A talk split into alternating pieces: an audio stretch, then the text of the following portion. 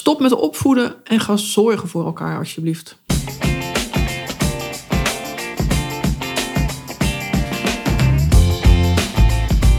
Hey, fijn dat je luistert naar de Scheidpodcast.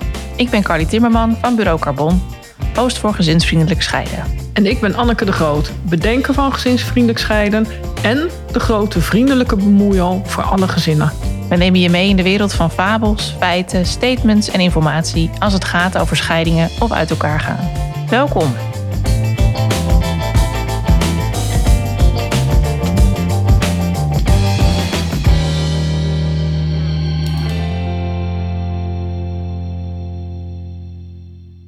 Dat is het statement van vandaag in een nieuwe aflevering van de Scheidpodcast. Opvoeding in samengestelde gezinnen, of eigenlijk niet opvoeden in samengestelde gezinnen, zeg jij? Ja, dat zeg ik zeker. En eh, nou ja, je bent zelf ervaringsdeskundige natuurlijk. Jij eh, bent onderdeel van een samengesteld gezin. Ja. Ik ben wel benieuwd waar dit statement vandaan komt. Want ja, ook voor mij als nieuw gezin, niet samengesteld gezin, is dit nog onontgonnen terrein. Wij zijn nog absoluut niet aan het opvoeden, want ja, het kan nog niks. Dus dat is op zich heel overzichtelijk. Mhm. Maar ik zit dus erg eh, te wachten op jouw tips. Dus Ja. nou, steek van wal zou ik zeggen. Nou, daar gaan ze komen hoor, Carly. Tip 1. Stop alsjeblieft met het opvoeden. Dat ben ik serieus. En waarom? Alle energie die je daarin steekt, is eigenlijk alleen maar gericht op het kind dat gedrag te laten vertonen wat jij wil. Wat past bij jou. Of het bij het kind past, is eigenlijk niet relevant op dat moment. Het gaat erom, wat wil jij zien? Nou, en de meest simpele voorbeelden zijn daarvan... eten met mes en vork, een handje geven als het kind ergens binnenkomt...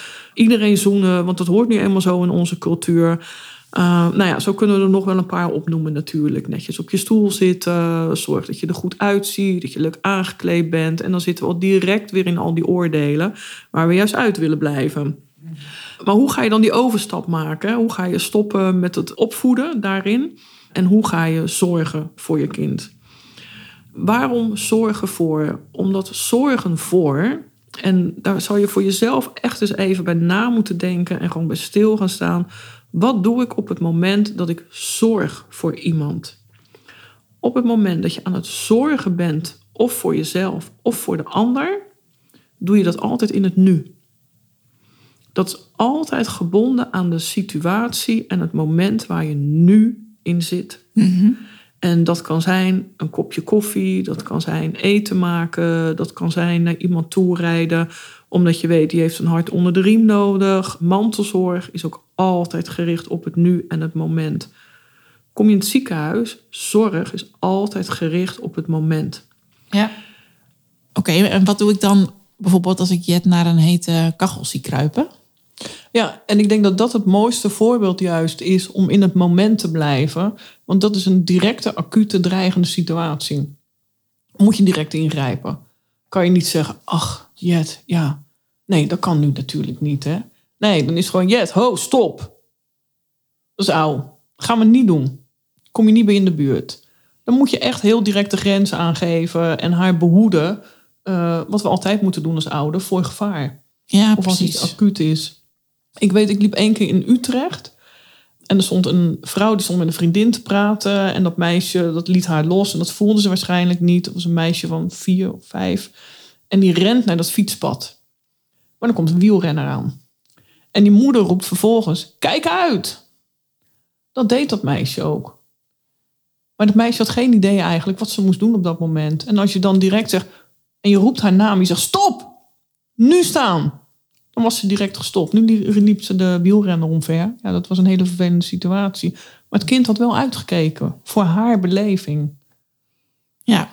ja en daarin moeten we gewoon heel kort en direct soms communiceren. Ja. Ja, dus dan valt opvoeden misschien wel samen met zorgen voor. Nou, dat is ook zorgen voor het kind op dat moment.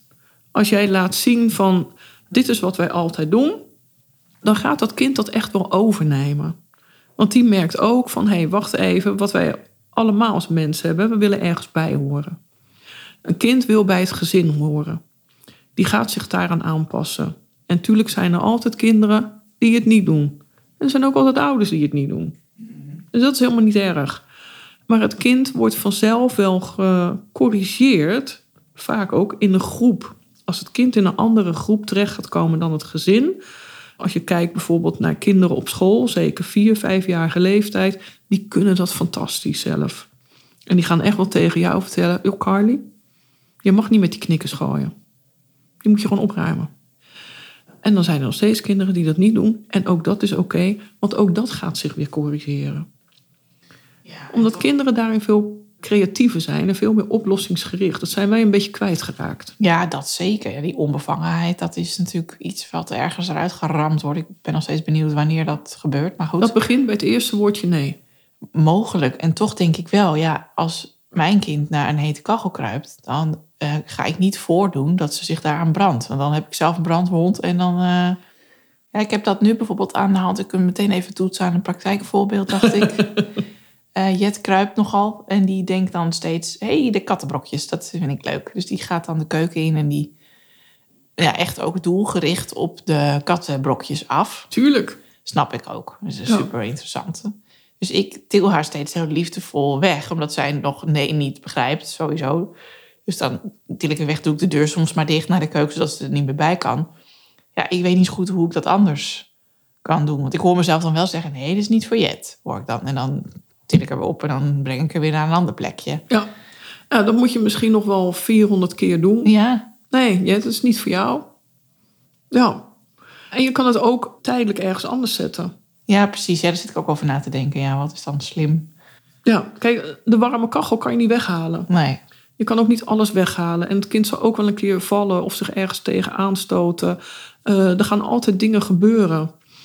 Eh, en dan kom je heel erg op het detailniveau eigenlijk. Hè?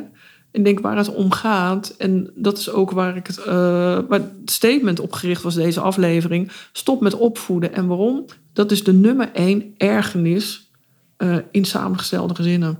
Maar in alle gezinnen misschien wel zelfs. Nou, in heel veel gezinnen in ieder geval. En dat merken we ook gelijk, zeker bij scheidingen, met het ouderschapsplan. Dat gaat maar over die opvoeding. Eh, en toen dacht ik, ook daarvan kan je vastleggen wat je wil.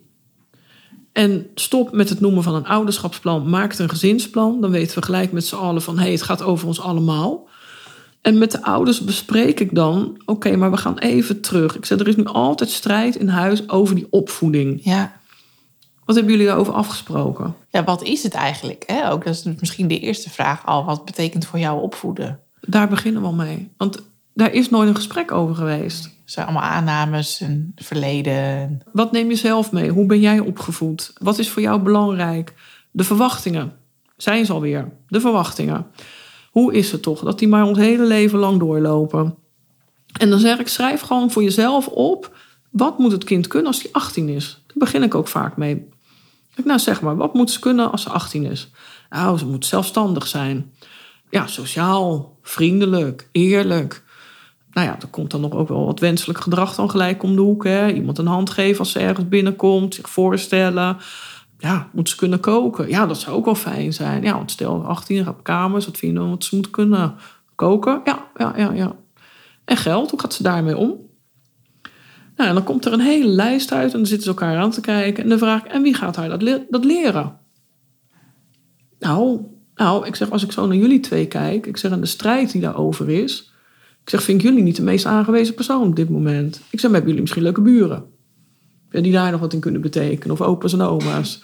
Nou ja, dan moeten ze alweer lachen. En dan zeg ik, maar dit is dus wel waar het om draait. Ik zeg, als het voor jullie niet duidelijk is wat jullie wenselijk vinden en wat wil je ze meegeven? Ja, Ik zeg, ze wordt 18 of hij wordt 18.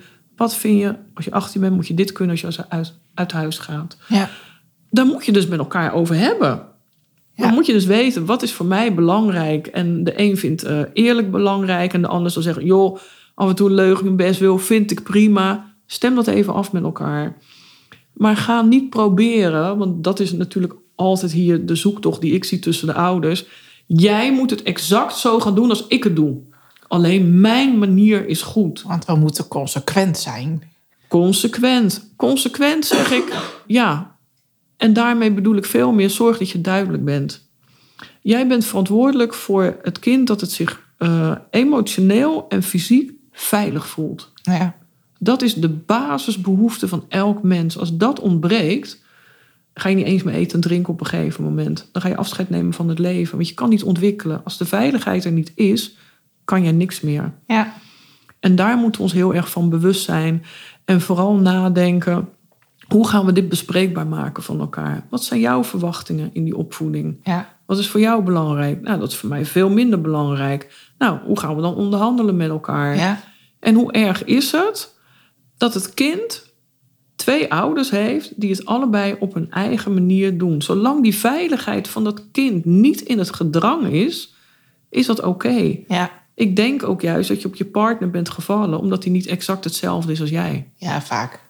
Ja. Dat maakt het juist zo leuk. Ja. Daarin zit de aantrekkingskracht. Maar ja, wat we in het begin allemaal leuk vonden, dat is na een jaar is dat rete irritant. Want het dopje zit niet op de tandpasta. Ja.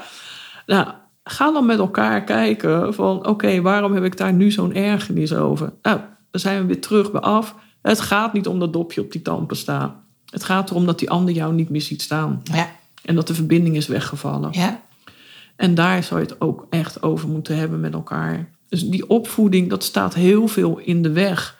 Uh, want dat zit heel sterk in onze cultuur. Hè? We moeten opvoeden. Ja. Uh, nou, dat moet niet. Je moet zorgen dat het kind veilig is. Dat is jouw taak. Elke dag weer. Elke dag opnieuw zorgen dat het kind zich veilig voelt. Ja, en hoe, hoe is dit dan ook nog ingewikkelder in samengestelde gezinnen? Want ik kan me voorstellen dat dit dus een probleem is bij nou ja, gewone gezinnen, om even een rotwoord te gebruiken. Dus... Ja, nee, nee, nee, maar het is geen rotwoord. Het is gewoon het kerngezin wat we eigenlijk kennen, hè, wat we hebben ja. in Nederland.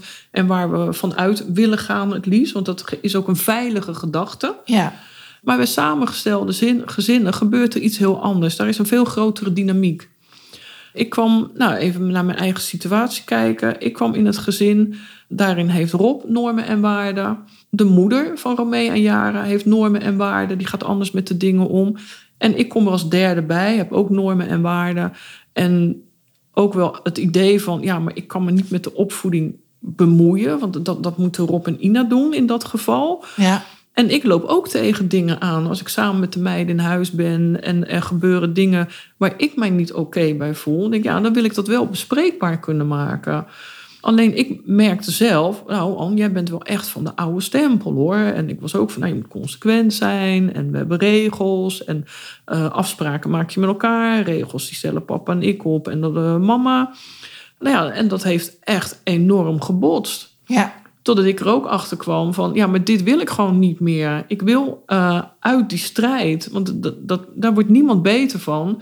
Hoe kan ik het anders doen? Hoe ga ik zorgen dat ik vertrouwen geef dat zij het zelf kunnen? Ja. En ik weet met name de jongens op een gegeven moment hadden ontzettend veel strijd over het laten thuiskomen.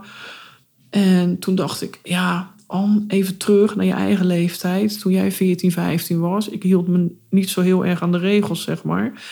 En toen dacht ik, hoe kan ik haar daar nou van bevrijden van mijn angst? Dat er iets met haar zou gebeuren. En daarin zat mijn angst. Stel, er gebeurt iets met jaar. En oh, hoe ga ik dat tegen Rob en Ina vertellen? Want dan dacht ik, dan heb ik het niet goed gedaan. Oh ja. Dat is het. Dat is wat een grote rol speelde. En toen dacht ik, nee, ik ga jou opvoeden. Of opvoeden. Ik ga zorgen dat jij het vertrouwen meekrijgt van mij. Dat jij het zelf kan. Ik denk, want daar zit het hem in. Ja. En dat heb ik ook tegen haar gezegd. Ik zeg, joh, ja, ik zeg, ik stap achteruit. Ik zeg, want ik weet gewoon, A, we hebben de regel, je doet er alles aan om veilig thuis te komen. B, hebben we de regel, je gaat nooit alleen uit een groep weg. En een ander ook niet. Jullie zorgen voor elkaar. Dan komt weer dat woord zorgen terug. En je zorgt voor elkaar dat je dan meegaat. En ook op vakanties hebben ze dat altijd gedaan. En daarom kon ik haar ook met een gerust hart op vakantie laten gaan. Want ik wist gewoon, zij heeft die basis. En ze begreep zelf ook, dat is belangrijk. En voor mezelf, en voor papa en Anneke en mama. En ook voor de vrienden waar ik dan mee ben. Ja. Uh, dus dat hebben we losgelaten. Ik zei, joh, uh, kijk maar wanneer je thuis komt. Ik zeg, het enige wat je doet, je loopt langs. Je maakt me even wakker en je zegt dat je thuis bent. heeft ze altijd gedaan. En ze kwam steeds vroeger thuis. Want de druk was eraf. Ja, en dat rebelse waar je dan tegenaan wil schoppen als je puber bent. Zo, nou, ik Ja. zal het eens even laten zien. eh. Ja, ja, ja, en dat moet er ook zijn. Dat mag ze ook hebben. En misschien had dat nog langer kunnen duren. Dat had ook gekund. En ik had wel het vertrouwen, en dat is denk ik ook wat ze voelde. Maar Anneke meent dit. Het is oké. Ja. Ik kan dit zelf regelen. En Ja. ik vond ook dat ze dat echt zelf kon. Dat meen ik serieus. Ja, precies. Ja. Ik vond dat heel mooi, want dit kwam deze zomer terug op LinkedIn. Ik heb een paar jaar geleden al een blog geschreven over tips voor eh, op vakantie te gaan. Daarin kan je heel goed beginnen met het kind vertrouwen. Zeggen, joh, dit is het budget, dit hebben we per dag. Ja. En om zijn beurt het kind eh, een budget. Nou, wat had nu een man gedaan? Die was op vakantie gegaan met zijn drie kinderen. Die had elke dag tegen de kinderen gezegd, hier heb je 100 euro. En daar moeten we alles van doen. Dus eten, activiteit wat je wilt doen. Maar we moeten ook tanken. En nou, die kinderen hebben dat gedaan. En hij was verbaasd eh, hoeveel plezier dat dat gaf. Binnen hun vier eigenlijk. Eh, hij zegt, en ook vooral eh, hoe creatief dat ze werden. Want na twee dagen merkten ze wel... Oh, wacht even, het is één uur 's middags. Ja, we, we kunnen niet tanken, want er is geen geld meer. Dus we kunnen niet naar de volgende camping. En we kunnen dat niet doen en dat niet doen. En, dus die leerden om zelf een afwegingen te maken. Ja. Maar ook om met elkaar te onderhandelen. Dus ze leerden als een team samen te werken. Eh, en die man zei ook, ja, hij zei, dit is de beste vakantie ever geweest. Ze waren wel twee dagen eerder thuis, want het geld was echt op. Oh, ja. Ja, ook, nou, en ook dat is prima. Ja. Ja, en ik denk, en daar zit het hem echt in. Vertrouw erop dat het kind jouw gedrag over gaat nemen. Ja. ja, dat is wel mooi, denk ik, ja. Ja, en in een samengesteld gezin is het dus zo dat je eigenlijk met meer normen en waarden te maken hebt, omdat er gewoon meer personen een rol spelen binnen zo'n gezin. Ja, omdat je ook als vader of moeder binnenkomt en jij hebt je eigen kinderen. Ja, precies. Daar heb je ook al patronen mee opgebouwd. Eh, daar heb je ook al verwachtingen bij. En jij vindt misschien heel belangrijk... oh, maar ze moeten gaan studeren. Ja, En je kan bij iemand terechtkomen die heeft vrijheid, blijheid. En joh, jongens, kijk maar waar je zin in hebt. En dat wil ik allemaal niet. Ja, dit moet je dus vooraf bespreken. Het is niet raar dat eh, bijna 70% van de samengestelde gezinnen gaan weer uit elkaar. Wat doen we daarmee de kinderen aan, hè? Om voor de tweede keer zo- zo'n scheiding door te laten maken. En ik denk, als je dat weet, bespreek met elkaar. Oh, wacht even, wij gaan bij elkaar wonen. Maar wat zijn onze verwachtingen?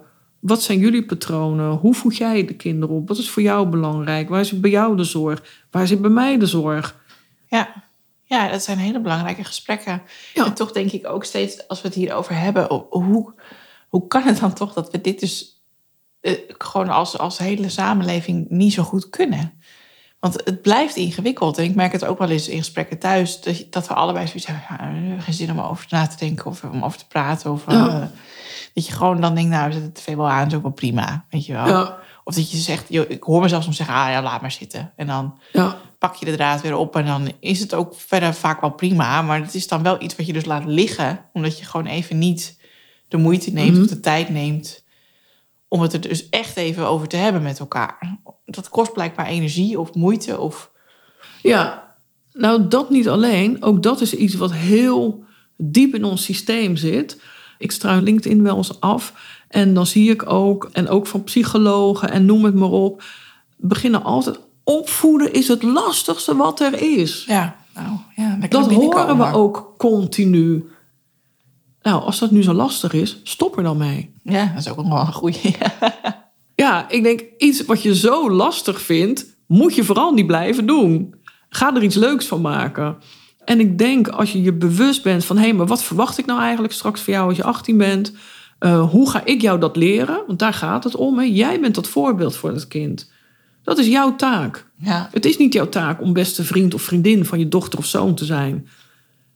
Vader of moeder, je mag papa of mama zijn. De, de meest unieke positie, denk ik, die je kan krijgen in je leven. ja, En die ga jij dan veranderen in beste vriend of beste vriendin. Nou, dan moet je echt nog eens heel goed nadenken wat je nou eigenlijk voor dat kind wil zijn. Ik ben daar ontzettend op tegen. Ik vind dat niet oké. Dat regelen die kinderen zelf. Ook daarin ontbreekt dus het vertrouwen. ja. Ja, Dat noem ik dan heel oneerbiedig. Excuus voor de luisteraars. eh, die vinden dat ze absoluut de beste vriendin of vriend eh, moeten zijn van hun zoon of dochter. Dat vind ik spastisch. oh ja. Ja, dat vind ik echt spastisch. Vind ik niet oké. Dat is een onvervulde behoefte van jouzelf. Daar moet je over nadenken. Hé, hey, wat zit daarachter? Wat Ja. wil ik mijn kind meegeven? En je kind iets meegeven kan je doen uit de rol van verzorger of vader, moeder, opa of oma. Maar dat zijn unieke posities die we hebben Ja. en die we mogen hebben. Ja. En dat is de taak. En dat dat kind soms ontzettend lastig is en boos. eh, en jou de meest vreselijke ouder vindt van de hele wereld. En die jongens heeft ook wel eens op de trap gestaan. Ik haat jullie als ouders en ik haat jullie als ouders. En stampvoeten. Nou, en dan keek ik naar boven en dan zei ik hartstikke goed. Ik zeg, dat is jouw taak. Ik zeg, dat moet je ook doen. Ik zeg, en onze taak is om te zorgen dat jij veilig bent. Eh, en daarvoor hebben we soms regels en afspraken. En als jij denkt dat het beter kan, kom je weer terug en ga je met me onderhandelen. Ik zeg, dan gaan we het aanpassen. Maar niet eerder. Ja, dan moest ze wel lachen, maar dan ging ook boven heel hard de deur toch wel weer dicht. Dat ze eigenlijk wel boos was dat ze moest lachen, want ze was eigenlijk boos. Eh, en dan zeg ik iets waar ze om moet lachen. Nou, dat vond ze lastig. Nou, dat mag ook. Ja. En dan ga ik na een uurtje weer naar boven en dan eh, komt het ook weer goed. Maar dat is echt haar taak. Ja. Ja. Nou, dus in het moment zorgen voor elkaar. In plaats van opvoeden. En nadenken, wat moet hij of zij kunnen als ze 18 is? Wat is voor jou belangrijk? Wat is voor mij belangrijk? En dat ze van papa A krijgen van mama B is prima. Maak daar alsjeblieft niet zo'n punt van, want daar gaat het gesprek namelijk niet over. Nee. Het gaat over iets wat bij jou gewoon een onvervulde behoefte is. En we zijn weer terug bij de verwachtingen en de geweldloze communicatie. Ja. Ja, ja, ja. Nou. Succes, goed. Carly! Ja, bedankt. Mooie taak in het verschiet. Zeker. Ja. Dank, Anne. Ik eh, denk dat we opgaan naar een volgende uitzending. Over denk het ook. Spastische ouders die je beste vrienden of vriendinnen van hun kind willen zijn. ja, niet doen. Gewoon niet doen. Daar ga ik geen uitzendingen over maken, zeg ik heel eerlijk. Gewoon niet doen. Is niet je taak als ouder. Ja, Stop ermee. ja kappen. Dankjewel, Anne. En jij ook. Fijn dat je hebt geluisterd. Heb je een vraag, een tip of wil je gewoon even je eigen verhaal kwijt? Laat het ons weten via info.gezinsvriendelijkscheiden.nl Oh, en eh, je mag natuurlijk altijd een beoordeling achterlaten, sterren uitdelen of de aflevering delen met je vrienden, familie of collega's.